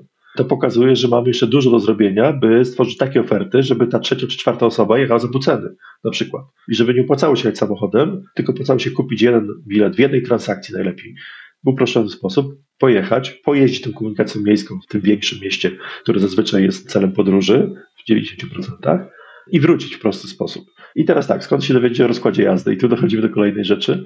Czesi czy Słowacy stworzyli obowiązkową aplikację i program i stronę internetową, której każdy, kto bierze pieniądze na transport publiczny, musi aktualizować i wprowadzać rozkłady jazdy i dbać o to, by one tam były. Z poziomu rządowego. Tak jest. I uważam, że takie coś można zrobić. Oczywiście boję się, mówiąc, ile by państwo za to wzięło za tą usługę, więc polecam, nie wiem, kupienie lub wejście w współpracę z istniejącymi platformami, e-podróżnik. Ja nie chcę reklamować, tutaj kilka ich jest, tylko nie ma żadnej, która by obejmowała wszystko. Są mniej lub bardziej kompleksowe, ale nie ma takiej, która by miała cały transport, czyli i samolot, i no Google próbują to robić tak naprawdę oddolnie, przy czym jest to utrudnione technicznie jednak.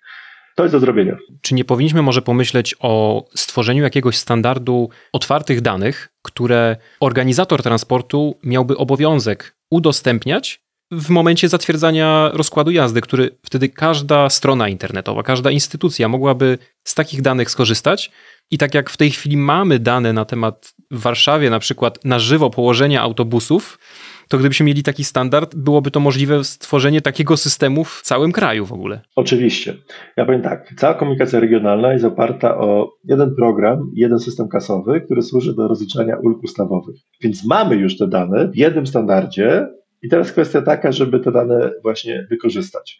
To, o czym mówimy, to jest oczywiście kolejny etap rozwoju, czyli udostępnienie danych również tych powiedzmy przebiegów w czasie rzeczywistym. Coraz więcej autobusów ma pewne systemy, chociażby GPS-u. Być może należałoby wprowadzić obowiązkowo. Skoro wszystkie śmieciarki w Polsce muszą mieć kamery i monitoring online i było to do zrobienia, to uważam, że czemu nie można postawić, że za rok każdy autobus ma mieć system i być namierzony na mapie GPS-owej w celu sprawdzenia realnego położenia, a nie tylko rozkładowego. Bo jedną rzeczą jest oczywiście oferta, czyli rozkład jazdy, który wprowadzimy do danego systemu, ale drugą jest jego realizacja, czyli korki, wypadki, awarie. Ludzie chcą wiedzieć, za ile minut przyjedzie autobus, a nie o której jest tam w rozkładzie jazdy. To są jakby dwie rzeczy. Tutaj Warszawa udostępnia dane i faktycznie mamy te dane również z autobusów, jeśli chodzi o ich położenie. My również to robimy, jest taka aplikacja, kiedy przyjedzie. Zachęcam w wielu miastach, możemy sprawdzić bezpośrednie położenie autobusu, akurat autobusów PKS również naszych, czy Google Transport, coraz więcej firm to wchodzi. Z całą pewnością wpisanie w umowę na dofinansowanie, czy z funduszu, czy refundację ulg, czy najlepiej, tak szczerze mówiąc, mam inny pomysł na tę refundację ulg, być może należałoby środkami z funduszu objąć wszystkie linie uruchamiane przez wszystkich organizatorów, bez tych limitów, o których wspomniałem, że gdzieś brakuje pieniędzy, gdzieś nie, ale na przykład zlikwidować rozliczanie ulg, być może zostawiając jedynie tą faktycznie szkolną, bo to jest jakieś gro, jakieś 80%, 90% wszystkich biletów ulgowych, ale całą resztę zobowiązać tak naprawdę przewoźników do ich uznawania w zamian za ryczałt, który dostawaliby do kilometra. Strzelam 50-60 groszy, być może więcej, to jest do sprawdzenia. Myślę, że spokojnie można to przeliczyć. Odeszłaby cała papierologia, rozliczanie, przelewanie pieniędzy w tom i z powrotem, a przewoźnik miałby pewność, której teraz nie ma. Czyli, że co miesiąc dostanie jakieś tam środki, co pozwala myśleć o leasingu, o wymianie taboru, o rozwoju. Więc tu myślę, że wprowadzenie takiego standardu, że jest zobowiązany pod karą nieuzyskania dotacji do aktualizacji i przekazywania rozkładów jazdy z jednej strony, a z drugiej strony do pewnego standardu informatycznego przekazywania danych. Być może na przykład też w ciągu roku czy dwóch do instalacji takiej, myślałem o tym, jak to zrobić w formie takiej, można powiedzieć, przysłowiowej czarnej skrzynki, która by obejmowała prosty monitoring, na przykład z kamerą, która filmuje przód autobusu, może jedna drugą do środka, daje sygnał GPS-u i być może od razu daje Wi-Fi, korzystając niejako z tego, że jest. Być może jeszcze mogłaby mierzyć na przykład temperaturę, bo to jest jakieś kryterium jakościowe. Ktoś mówi zimno, ciepło, ok, mamy dane, patrzymy sobie, jest. W prosty sposób taka czarna skrzynka, myślę, że wielu byłoby firm w Polsce, które by takie coś stworzyły w taki sposób. Abonament informatyczny to z kilka złotych na miesiąc. Umówmy się, to jest żaden koszt, by tam wsadzić kartę SIM, która będzie dawała internet do tej lokalizacji, a przy okazji być może dla Wi-Fi. Także myślę, że to byłoby do przejścia. Myślę, że w ciągu roku, dwóch by tego typu dane były dostępne i tu też jestem za tym, by je udostępniać wszystkim chętnym którzy będą to robić, na przykład pod warunkiem takim, żeby faktycznie ten końcowy użytkownik nie płacił za to. To byłby jedyny warunek, nie zarabiają na reklamach, na innych rzeczach, ale faktycznie niech to będzie udostępnione. Tylko jakaś skala tego problemu wydaje się to logiczne i sensowne, jest to logiczne i sensowne, ale jaka jest skala, to powiem tak. Mamy oczywiście kilkanaście, dziesiąt tysięcy tych autobusów. O rząd wielkości mniej jest pociągów, które notabene jeżdżą tylko i wyłącznie w rozkładzie jazdy I niestety na kolei nadal nie mamy takiej mapy z lokalizacją wszystkich pociągów. Możemy zobaczyć wszystkie samoloty nad Polską. Możemy zobaczyć wszystkie statki na Bałtyku. Myślę, że wszystkie satelity na niebie, ale nie możemy zobaczyć, gdzie jest pociąg na polskiej sieci kolejowej. Mijają lata i nadal niestety jest ten problem. A lokomotyw i kabin sterowniczych w pociągach jest myślę o rząd wielkości albo dwa mniej niż autobusów, ale to pokazuje jak gdyby to, że jeszcze wiele jest do zrobienia. Jeszcze krótko chciałbym wrócić do tematu tej integracji taryfowej. Czy są jakieś rozwiązania i są jakieś propozycje? Czy ktoś przedstawił jakąś kompleksową propozycję, w jaki sposób można by było to zintegrować? Pojawiają się takie głosy, również wychodzące z organizacji przewoźników lub od ekspertów. Mamy tu pewien problem, bo troszkę inaczej patrzą na to miasta, trzeba powiedzieć, które swoje znaczne środki przeznaczają na komunikację miejską. I one trochę w ostatnim czasie, można powiedzieć, że ucierpiały pośrednio przez uruchomienie funduszu, ponieważ miasta nie mogą uruchomić komunikacji miejskiej, czytaj, mówimy w tej chwili o podmiejskiej, która w dużej części jest zastępowana przez tą regionalną, która zastępuje tą podmiejską. Trochę pocinając skrzydła tym firmom miejskim, ponieważ miasta się troszkę posiłkowały tym, że komunikacja miejska wyjeżdżała poza miasto, te gminy sąsiednie dokładały się do tego worka, dofinansowując tą komunikację. Niestety gorzej jest, kiedy się okazuje, że ta komunikacja nie ma dofinansowania i wtedy różne miasta różnie sobie z tym radziły, to może nie czas i miejsce na dyskusję o tym, ale to troszkę utrudniło te rozmowy o potencjalnym wspólnym bilecie. Jednakże od dawna jakby organizatorzy, tak jak wspomniałem, organizatorzy, przewoźnicy, eksperci podkreślają, że jest to konieczne i pierwszym krokiem jest to, co wspomniałem, ujednolicenie ulg ustawowych i stworzenie zachęt, być może na przykład właśnie ustawowych, czyli zachęcenie komunikacji miejskiej, być może nie całą stawką, ale na początek połową stawki dofinansowania z funduszu, jeśli będzie miało wspólne rozwiązania taryfowe z komunikacją regionalną. Na przykład, możemy sobie wyobrazić takie rozwiązanie, czyli dostajesz złoty 50 do kilometra, bo powiedzmy jest 3 zł ta stawka podstawowa w tej chwili z funduszu, jeśli wejdziesz i będziesz mieć wspólne bilety, tak jak powiedziałem, w całej palecie już wtedy, jednorazowe, miesięczne, weekendowe, grupowe, autobusy niskopodłogowe klimatyzowane, plus dajmy na to, nie wiem, 50 groszy do kilometra. Autobusy nowe do 3 lat, dajmy na to stawka wyższa, stare niższa autobusy w ruchu cyklicznym w ofercie co najmniej, nie wiem, 10 par na dobę, tyle i tyle złotych, a na przykład więcej, wyższa stawka. Autobusy przekraczające granice, czyli promujące dogadywanie się jednostek samorządu, przekraczające granice gmin czy powiatów, czy województw, bo czasami też to jest potrzebne, też na przykład wyższa stawka. To z całą pewnością mówię to jako praktyk Trzeba wiedzieć, że samorządy patrzą na przychody. Ostatecznie często decyduje pani skarbnik, nie marszałek, nie prezydent, nie wójt i powie, a tu mamy wyższe przychody, dobra, idziemy w to. Więc tego nie możemy pominąć. To jeszcze takie pytanie z trochę wyższego poziomu, już nie tylko i wyłącznie taryfowego, ale w ogóle ustawy o publicznym transporcie zbiorowym i trochę powiązanej może z Funduszem Rozwoju Połączeń Autobusowych. Czy ten system, który w tej chwili jest, taki formalno-prawny, czy my jesteśmy w stanie jego naprawić drobnymi zmianami, właśnie tutaj ulgi, tutaj jeszcze jakąś drobną zmianę, czy powinniśmy to wszystko zrobić zupełnie od początku? Kusi oczywiście, że powiedzieć, że powinniśmy zrobić wszystko od początku. I pewnie kilka lat temu jeszcze bym tak powiedział. Jednakże życie w Polsce i zarządzanie transportem uczy tego, że te rozwiązania duże są narażone na bardzo duże naciski z różnych grup zainteresowanych. Powiem tak wprost. Samo uregulowanie tematu i wprowadzenie w życie w pełni ustawy o publicznym transporcie zbiorowym. Z bólami wprowadzona ustawa z długim vacatio z ponad 10 lat temu tak naprawdę nie weszła w pełni w życie. Dopiero zaczęła wchodzić teraz, kiedy pojawiła się łatka w postaci funduszu.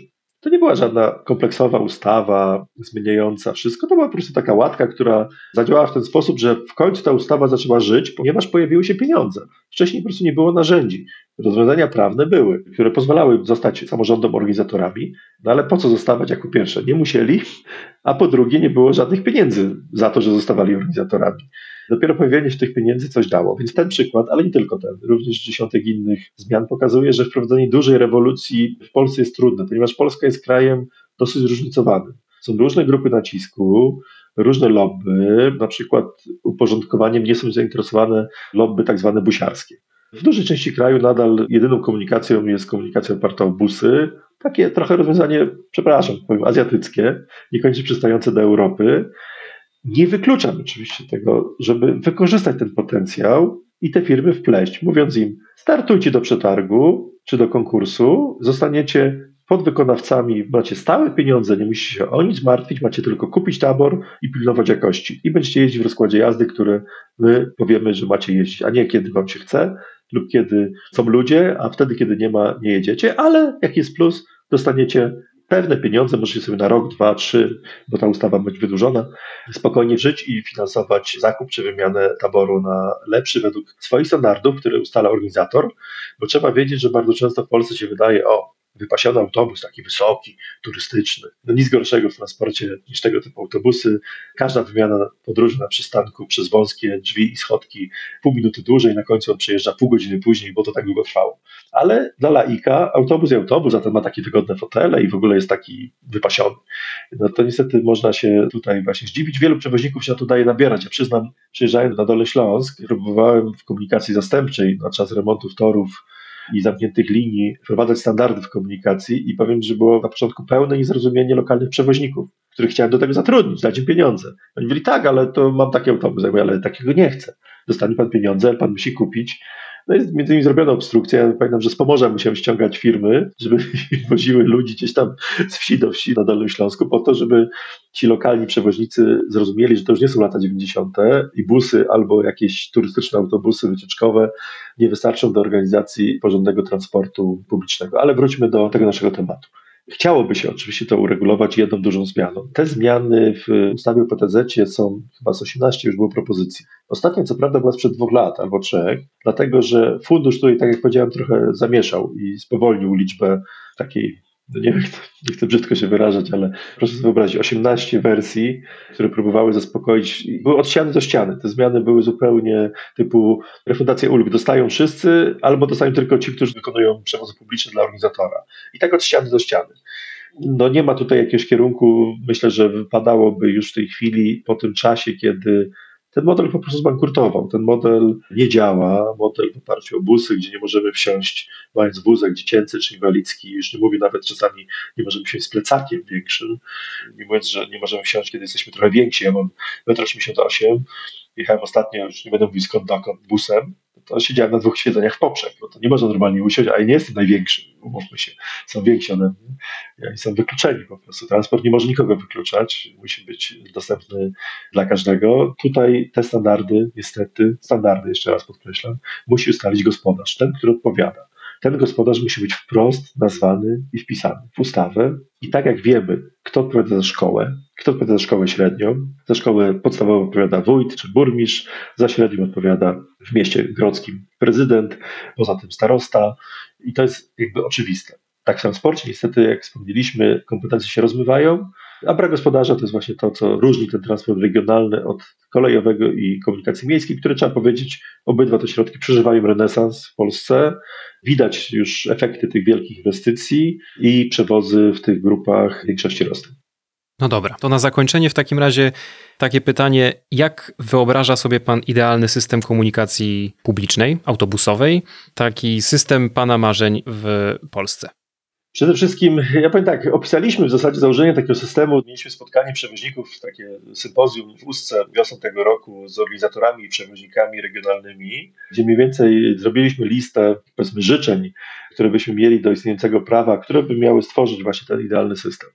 Przede wszystkim powiem coś, co może się wydawać dziwne, ale kluczową rzeczą jest stabilność. Tworzenie tego typu systemów jest drogie na wejściu. Tak jak powiedziałem, ten próg wejścia jest wysoki nie tylko, żeby zostać kierowcą, ale jeszcze większy, żeby zostać przewoźnikiem, a jeszcze większy, żeby zostać przewoźnikiem porządnym. Czyli mieć nie złomy 30-letnie czy 20-letnie z zachodu szroty, tylko autobusy co najmniej z normą Euro 6, autobusy dostępne z miejsca na wózek i tak dalej, i tak dalej. Czyli autobusy, którymi będziemy w stanie konkurować również pod względem estetycznym z komunikacją samochodową, w którym jeżdżenie nie będzie obciachem, po prostu nie będzie wstydem, czymś, czego się wstydzimy i czekamy, aż będziemy mieli prawo jazdy i będzie nas stać na samochód. Więc tego typu komunikacja by powstała. Jak widzimy, są dosyć duże nakłady potrzebne na wstępie. I to jest możliwe. Mamy różne sposoby. Tak jak wspomniałem, mamy wszystkie fabryki prawie że koncernów w Polsce lub dostępne są autobusy wszystkich firm. W Polsce mamy również swoje firmy. Mamy firmy leasingowe i różne oferty bankowe, dzierżawy. Są tutaj różne modele wprowadzane w miastach czy u przewoźników. Banki oferują tutaj cały szereg różnego typu środków finansowania tego taboru, ale z jeden warunek umowa. Taka umowa na nowy tabor musi być na co najmniej 10 lat. I tu musimy mieć tą perspektywę, tak jak drogę robimy na co najmniej 10 czy 15 lat, czy budujemy szkołę, następny remont pewnie będzie za 10 czy 15 lat, jak ją oddamy, tak musimy wiedzieć, że jeśli chcemy zrobić dobry transport, to musimy mieć umowy wieloletnie.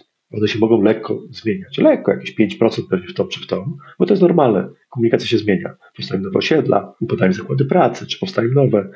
I to jest zrozumiałe. Jednakże bez umów wieloletnich zawsze będziemy mieli amatorkę, zawsze będziemy mieli konkurencję na starszy tabor, bo tylko taki będzie w stanie zaoferować niższą cenę. A jeśli mamy jedyne kryterium cena, no to niestety wygra ta niższa jakość. I to jest, mówię to jako menadżer, mówię to również z punktu widzenia przewoźników, ale też i operatorów, kluczowa rzecz, czyli możliwość prowadzenia i finansowania wieloletniego. Ustawa o PTZ, jak o PTZ, ale ustawa o Funduszu Rozwoju Przewozów Autobusowych, zwana PKS, tak może ironicznie, ale też nie do końca, ten możliwości nie daje, ponieważ daje możliwość póki co tylko umów jednorocznych. Co najmniej trzy, czteroletnia umowa jest potrzebna, by kupić autobusy używane, ale nowsze, takie leasingowe powiedzmy, bo tyle zwykle wynosi leasing, żeby się opłacał, ale tak naprawdę 8-10 lat musi być, żeby kupić autobus nowy. A to by się przydało tak naprawdę w tej komunikacji. Jeśli chcemy je zawojować, to ludzie kupują oczami. No, trzeba kupić po prostu nowe autobusy, nowe jednostki taborowe. Cała reszta, rozkłady jazdy, oferty taryfowe, to wszystko jest ważne, ale to jest można powiedzieć wtórne i tylko zależy już jakby od nas, no, oczywiście zmian prawa, kompetencji, to możemy jakby dopracować, ale jeśli nie będzie umów wieloletnich, nie będzie taboru, nie będzie stabilnych miejsc pracy, nie będzie stabilnej oferty, to nigdy tego atrakcyjnego i wymarzonego systemu nie stworzymy. A jak jest ten wymarzony? No idealny byłby, żeby na tych głównych kierunkach w szczycie autobusu odjeżdżały co pół godziny, a poza szczytem co godzinę, przez cały dzień, czyli od tej 6 do 22. Znam taką jedną linię, utworzyliśmy ją z innymi przewoźnikami, dogadując się, to jest rzadkie w Polsce, jest to linia z Ustki do Słupska i ona niedługo 20-lecie będzie obchodzić, kiedy udało się dogadać kilku przewoźników i podzielić równo co 20 minut, że jedzie autobus zawsze 00, 20, 40 i mamy prostą ofertę. Gorzej ze wspólnymi biletami, a to jest osobny temat, bo tak jak powiedziałem, nie ma tutaj zbyt wielu mechanizmów zachęcających. Więc ta oferta musi być prosta, dostępna wszystkimi kanałami, czyli możliwość płatności kartą w taborze, w automatach, w kasach, u kierowcy, ale też przez aplikację, przez telefon i tak dalej. To jest jakby podstawa. Mówimy o czymś, co jest być może oczywistością w sklepach, ale niekoniecznie w transporcie publicznym, czyli łatwość, o której wspominaliśmy. Ta łatwość wejścia do systemu, że nie musimy tłumaczyć, musimy mieć taką legitymację i pokazać ją tu i wtedy kupić taki bilet, ale pamiętać, że jednak ten niebieski autobus, a czerwony to już nie. Bez tych wszystkich właśnie wyjątków. Prosty, jeden bilet, być może atrakcyjny, na przykład bilet roczny. Wiele samorządów do tego też już doszło, że trzeba zachęcić ludzi, że kupią raz, Pieniądze też może będą mniejsze sumarycznie, ale z góry wpłyną, więc poprawią cash flow, więc warto jest w ten sposób promować i tą komunikację tego typu bilety również sprzedawać. Jednakże, tak jak wspomniałem, musi być to maksymalnie uproszczone, maksymalnie dostępne, musi być to wszystko oczywiście estetyczne, bezpieczeństwo, to czynne i bierne jest oczywiście kluczowe, czyli monitoring, oświetlenie przystanków, to wszystko jest bardzo ważne i kluczowe. Dworce dostępne, bezpieczne. To nie może być żadne miejsce przysłowiowe. Jeszcze do niedawna się to spotyka, na szczęście już rzadziej, ale sam spotkałem się kilka razy, przeprowadziłem rozmowy z samorządowcami, że mówię, przepraszam bardzo, ale zadaniem samorządu jest zajęcie się bezdomnymi, a dworzec nie jest miejscem dla bezdomnych. Środki przeznaczone na pomoc społeczną są olbrzymie i zadaniem samorządu jest to, że mają stworzyć warunki, a nie przewoźnicy mają się zająć. Także tutaj ten idealny system to oczywiście, jak wspomniałem, pewny, bezpieczny, dostępny, czyli te bilety nie mogą być drogie, muszą być łatwo dostępne. No i przede wszystkim dobrze byłoby, jak było tak atrakcyjnie podane, czyli musi mieć jakiś marketing, musi mieć różnego typu zachęty, to musi być, mówiąc krótko, sexy i to idzie zrobić. To idzie zrobić, jeśli przestaniemy to traktować jak usługę socjalną, jak usługę dla tych wykluczonych, którzy sobie nie radzą, powtarzam to i może się powtórzę tutaj. Są pewne rzeczy, które według ONZ-u różnią trzeci świat jakby od pierwszego. To jest między innymi edukacja, darmowa, powszechna i tak dalej, i dobra. Służba zdrowia, również na tym podstawowym poziomie. I uwaga, transport publiczny. Te trzy rzeczy nie występują w trzecim świecie. W pierwszym powinny występować jak najlepszej jakości. Zawsze będziemy narzekać na służbę zdrowia czy edukację, ale jeszcze możemy też narzekać dobrze, jak jest na co na ten transport publiczny. W jednej trzeciej miejscowości w Polsce tego transportu nie ma, więc widzimy, że jeszcze mamy do tego tak zwanego pierwszego świata wiele do zrobienia. No właśnie, tu ładnie się udało nam to spiąć klamrą, bo tak jak zacytowałem fragment książki Olgi Gitkiewicz na początku, sytuacja opisana w książce dla jednych budzi współczucie, a dla innych może budzić zazdrość nawet, że ten autobus w ogóle jest. Także trzymajmy kciuki i kibicujmy, żeby jak najszybciej udało się nam stworzyć prosty, stabilny, pomyślany w długiej perspektywie, łatwo dostępny dla każdego i nie wykluczający nikogo system transportu publicznego wysokiej jakości. Tak, żeby się udało nam dzięki temu transportowi publicznemu podnieść jakość życia wszystkich mieszkańców. Bardzo serdecznie dziękuję za rozmowę. Moim gościem był pan Piotr Chwalski, były prezes kolei Dolnośląskich, a obecnie prezes PKS Słupsk. Dziękuję bardzo. Dziękuję bardzo i zachęcam do korzystania z transportu publicznego. Zachęcamy również i zachęcamy do subskrybowania kanału na dobrym torze, żeby nie przegapić kolejnych odcinków dotyczących transportu publicznego.